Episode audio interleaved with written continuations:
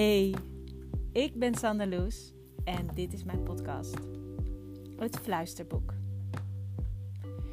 En het gegeven dat je hier al naar luistert, maakt dat je dus ergens nieuwsgierig bent naar wat er gaat komen.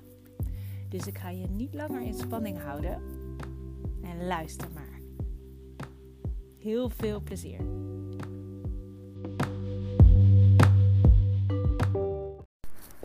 Hallo. Nou, ben ik weer. Mijn microfoontje zit mooi in mijn sjaal verpakt. Dus als er nu een beetje wind komt, dan zou het zo moeten zijn dat je daar niks van merkt. In een trouwens prachtige zelfgebreide sjaal.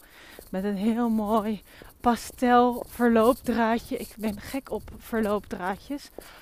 Zo'n kleuren verloopdraad. Dat is elke keer weer een verrassing wat er op je pen zit. En nou, wil je dan nog meer weten over die sjaal? Uh, die sjaal was mijn burn-out sjaal. Het was mijn burn-out project. Ik was in 2000, uh, poef, moet ik even nadenken, 17.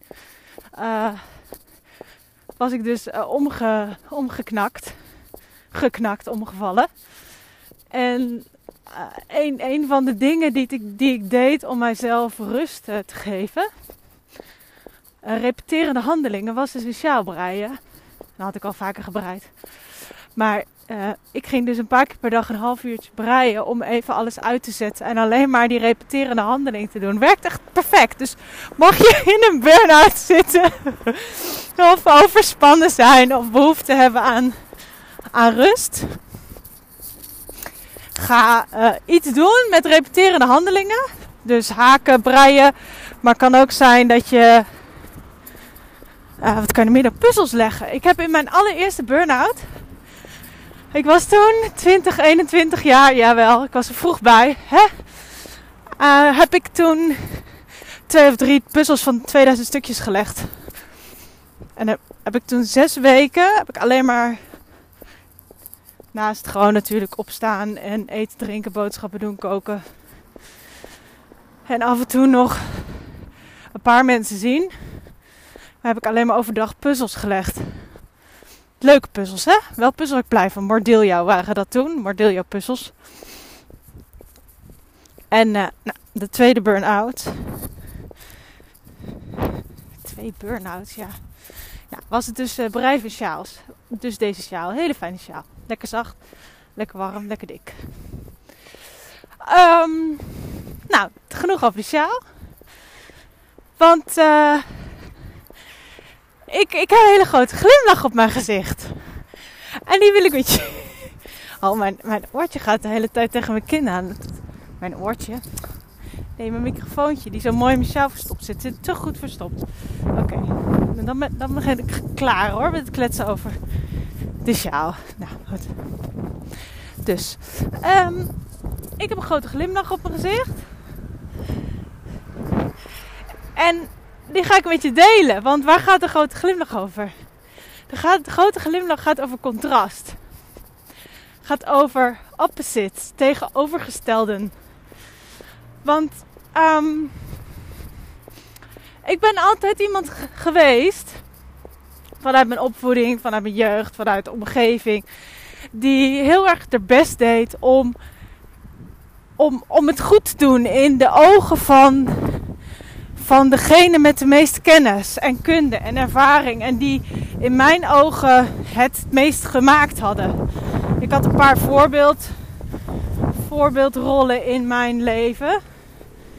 Uh, die ik als kind als voorbeeld had gesteld. Het is trouwens wel echt totaal veranderd. Maar in eerste instantie was mijn vader een groot voorbeeld. Want op een of andere man, manier had deze man in mijn ogen alles goed gedaan. Zelfs de dingen die misschien uh, nou ja, weet je wel, niet, uh, niet meest prettig waren, had hij in mijn ogen altijd toch fantastisch opgelost. En, en, en alles, maar dat is misschien ook wat je doet als kind, hè? dat je uh, degene waar je van houdt en die als voorbeeld neemt dat je die op een voetstuk plaatst en ook echt alleen maar ziet waar ze uh, goed in zijn. En dus ook gewoon niet een roze bril op hebt voor wat er misschien uh, ook menselijk aan is. Nou, dus mijn vader was een van die voorbeelden. En um, zo hield ik mijn oudere uh, zussen en mijn oudere broer ook als voorbeeld.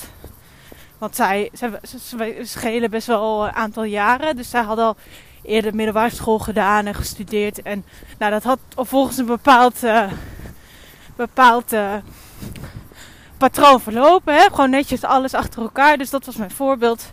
Dus zo moest ik het ook doen. Dus onbewust ergens als kind hou je toch die voorbeelden aan. En dan moest je daar ook aan voldoen. Daarbij was ik als kind al heel verantwoordelijk. Echt heel extreem verantwoordelijk. Ik gaf mezelf al heel vroeg op mijn kop. Het was zelfs zo erg. Dat nog, ik denk dat ik vijf jaar of zes jaar was. Dat ik, als ik dan iets stoms deed. deed een keer mijn broertje per ongeluk pijn. Dat was niet de bedoeling. Maar ik schoot uh, uit met iets. En dan hij had pijn en moest huilen. En ik rende naar mijn kamer en ik ging mijzelf slagen geven. Omdat ik vond dat ik dat verdiend had. Dus ik ging mijzelf straffen. Ik merk zelfs dat ik een beetje emotioneel word bij dit gevoel. Of dat dat gevoel omhoog komt. Maar dat deed ik. Nou goed, dat is, dat is gewoon een gegeven. Het is een herinnering uit het verleden. Daar vertel ik niet over. Maar ik voelde me extreem verantwoordelijk. Voor alles en iedereen om me heen. Ik moest het goed doen. Ik mocht niemand teleurstellen. Ik mocht niemand pijn doen. En, en ondertussen wilde ik ook nog dingen doen. Net als ieder ander kind en mens die je zelf wilt. Gewoon, ik wil het zo. Ik zelf doen. Hè? Dat. Want kinderen natuurlijk al. Kinderen hebben dat al heel jong van nee, wil ik zelf doen. Dat zat er natuurlijk ook in. Dus het was ook een enorm gevecht tussen. Tussen de verantwoording voelen voor ieder, iedereen, alles om je heen. Zeker de mensen waar je het meest van houdt. En die, waar je ook het, de meeste zorg voor nodig hebt. En het belangrijk is dat ze je zien. En anderzijds ook gewoon zelf willen kunnen bepalen. Nou, dan heb je even een beeld van een stukje uh, achtergrond. Dus ik ben altijd, op heel veel vlakken, heb ik dus keuzes gemaakt in mijn leven op basis van wat, wat die mensen om mij heen belangrijk vonden. En hoe zij ernaar keken en wat zij ervan vonden. En, of, en als ik het ze niet vroeg, dan wist ik ergens wel wat ze ervan dachten. Dus dan zei ik wel. Dan ging bijvoorbeeld op een gegeven moment als adolescent, als begin twintiger, ging ik niet meer vragen aan mijn vader: wat vind jij ervan? Want dat vond ik natuurlijk hartstikke stom. Maar ik wist, die, ik wist gewoon precies hoe hij erover dacht. En ik zorgde altijd wel dat ik binnen die marges bleef. Dat ik niet iets ging doen of iets ging zeggen of iets ging uitvoeren of keuzes maakte die daar buiten lagen. Maar dat was natuurlijk weer onveilig. Want ja, als je vader uh, er niet achter staat, in mijn geval was dat dan zo. Hè? Uh, als mijn vader er niet achter staat, ja, dan gaat hij me misschien ook niet uh, helpen of ondersteunen als er dan iets misgaat. Nou, dat was een redenatie hè, van die jonge, jonge vrouw. En nu, ik ben inmiddels een stukje ouder en een paar. Uh, ik heb mooie groei mogen doormaken. Ik ben er ook achter gekomen dat he, al die kindstukken in elkaar zitten en waarom je pleest, wat je daaruit haalt.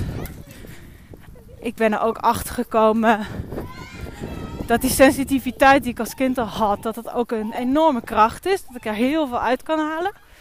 Nou, heel veel wijzer geworden. En ik sta nu gewoon volledig op eigen benen. Niet alleen maar financieel, maar ook gewoon emotioneel.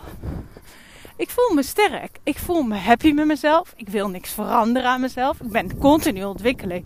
Maar vooral omdat ik het ongelooflijk interessant en leuk vind.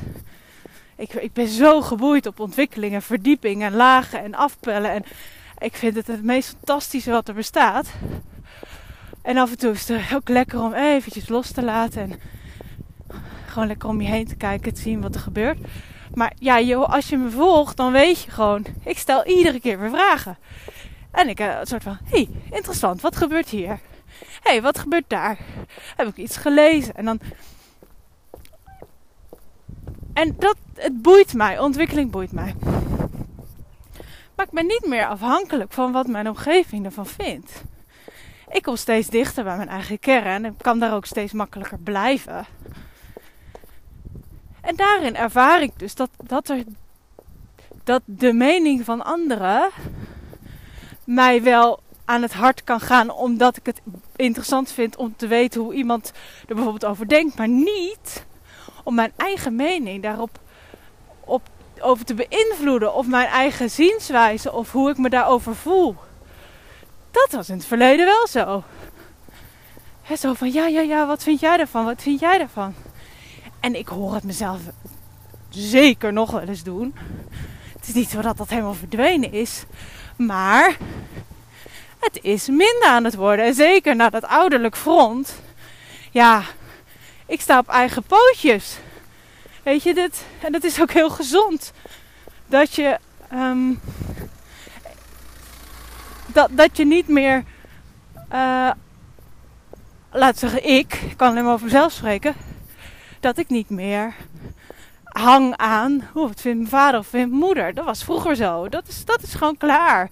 En, en we zijn nu gewoon allemaal volwassen mensen die met elkaar ergens over kunnen hebben. En dus ook kunnen zeggen: oké, jullie kijken er anders naar ik. Of zelfs wat er dan gebeurd is. Oh, hè. je bent daarin veranderd. Als, als dochter weer veranderd.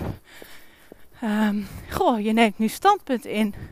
En dat standpunt komt niet overeen met dat van ons. Of met een van hun. En dat is waarom ik uh, een grote glimlach op mijn gezicht heb. Want het komt niet overeen. Het staat zelfs haaks op elkaar. En ik had net een gesprek. En ik, ik merkte dus, die glimlach is er omdat het is helemaal oké. Ik vind het niet erg. Ik, ik, ik ben gewoon ik en zij zijn zij. En ik hoef hun niet te overtuigen. En zij mogen me proberen te overtuigen, maar ik stop, ik stop ook op een gegeven moment luisteren. Dus het is heel fijn hoor, om te voelen dat ze niet per se willen overtuigen. Maar er zit een zorg aan de andere kant. En waarom hè, kijk je er toch op jouw manier naar? Niet dat op de manier van ons en, of van mij. Ja, ik trek ze even nu mijn ouders samen. Maar het zijn natuurlijk ook twee aparte mensen. Maar die, tuurlijk, die zorg kan er zijn. En en het is. Uh, ik kan me ook wel voorstellen dat het niet makkelijk is als je dochter op een totaal andere manier naar iets kijkt. Maar de glimlach is echt een glimlach van vreugde en gaat over. Wauw, het kan gewoon. We kunnen gewoon tegenover elkaar staan in een standpunt. Ik hou net zoveel van ze. Ik respecteer ze volledig. Het is helemaal oké. Ik ik weet niet. Het is net alsof de liefde nog wel meer stroomt. Zo oké is het. En, en ook, ik ben gewoon ik. En ik ben dit. Ik, ik sta hiervoor. En ik heb niet meer nodig om, om me mee te laten bewegen met jullie standpunt. Ik sta hier. Hoi. Ik sta hier. En, en ik ben hier helemaal oké. Ik ben niet van mijn stuk te krijgen. Ik voel dat dit is aan mij. Jullie staan daar. Het is helemaal goed en ik hou van jullie. En dat is die glimlach. En het is dus, ik voel dankbaarheid voor dat ik ze zie vanuit wie ze in de diepe lagen zijn, wie ze in werkelijkheid zijn. En niet vanuit het standpunt. Want het zijn mooie, lieve mensen en ik hou van ze. En dat zal ik altijd doen. En dat maakt me zo'n dankbaar mens.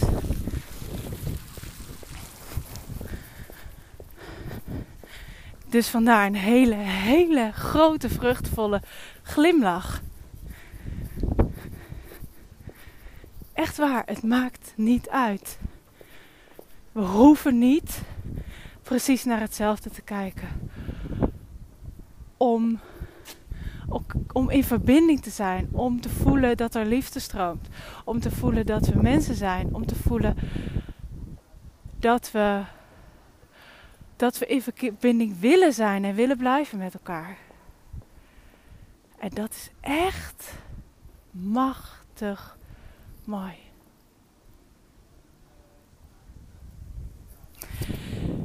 En daarbij laat ik het. Dus ik loop nog heerlijk met mijn glimlach verder. En ik wens jou een prachtige glimlach op jouw dag.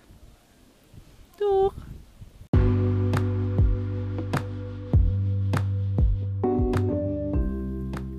Nou, dat was hem alweer. En? Vond je het wat? Heb je genoten? Ga je er nog eentje luisteren? Als je nou naar aanleiding van deze aflevering of andere afleveringen een vraag hebt, eh, iets wil weten, iets wil vertellen, iets wil delen, alsjeblieft doe dat. Zoek me op. Je kan me vinden op Instagram, Sanne underscore Loes, Sanne Loes. En deel alsjeblieft. Ik vind dat echt ontzettend leuk. Ik ben heel benieuwd wat, wat jouw vragen zijn, wat jouw verhaal is. En voor de rest, ja, wil je dat anderen dit ook horen? Dan werkt het om een review te geven of sterren. Want dan komt zo'n podcast meer bovenaan te staan. Maar dat laat ik gewoon volledig aan jou over. Dus ja, luister naar jouw fluisteringen.